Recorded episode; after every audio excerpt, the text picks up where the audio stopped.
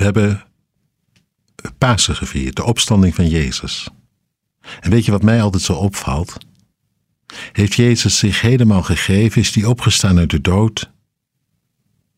En dan is hij diezelfde avond alweer, alweer in de weer om mensen op te zoeken. Die het niet meer kunnen volgen, niet meer kunnen vatten. Dat vind ik zo apart.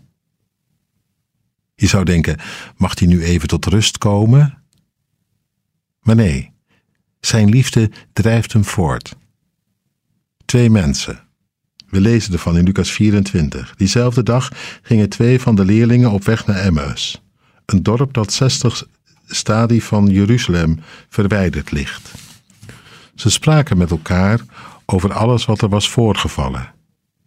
Terwijl ze zo met elkaar in gesprek waren, kwam Jezus zelf naar hen toe en liep met hen mee, maar hun blik werd vertroebeld, zodat ze hem niet herkenden.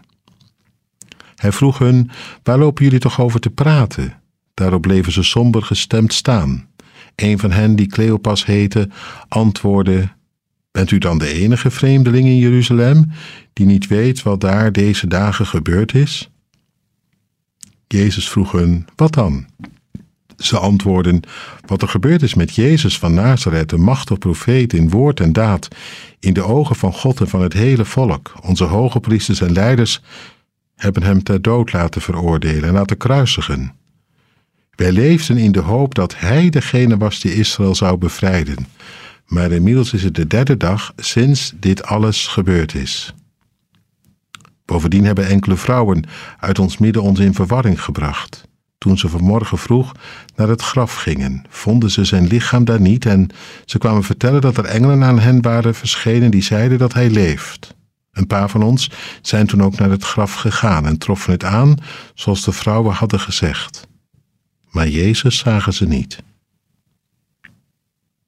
Die twee, ze zijn compleet in de war, gedesillusioneerd ook. Was het nou toch een vergissing geweest? Alles wat ze hadden gehoopt? Ze waren zo enthousiast geweest over Jezus, vast geloofd dat van nu af aan in hem de victorie begon. Maar het was uitgelopen op zijn dood. Natuurlijk, die vrouwen hadden een verhaal verteld over een graf dat leeg was, een verschijning van engelen, en dat hij weer leven zou, maar wie gelooft dat nou? Dood is dood, toch? Ik weet niet of je het herkent, maar het kan wel op de een of andere manier ook gebeuren in jouw leven. Een enthousiast begin.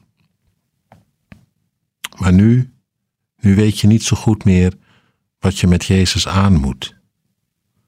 Gewoon omdat het niet liep zoals jij had gedacht. En je vraagt je af: klopt het wel? Heb ik me maar niet wat in mijn hoofd gehaald?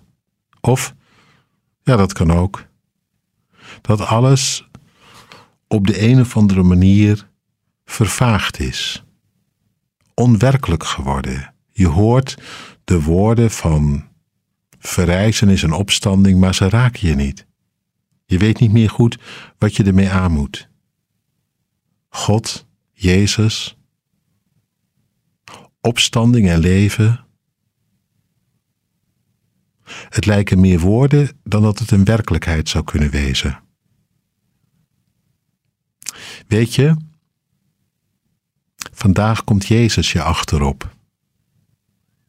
Al weet jij geen weg meer met Hem, Hij komt je tegemoet, want Hij wil je zomaar niet kwijt.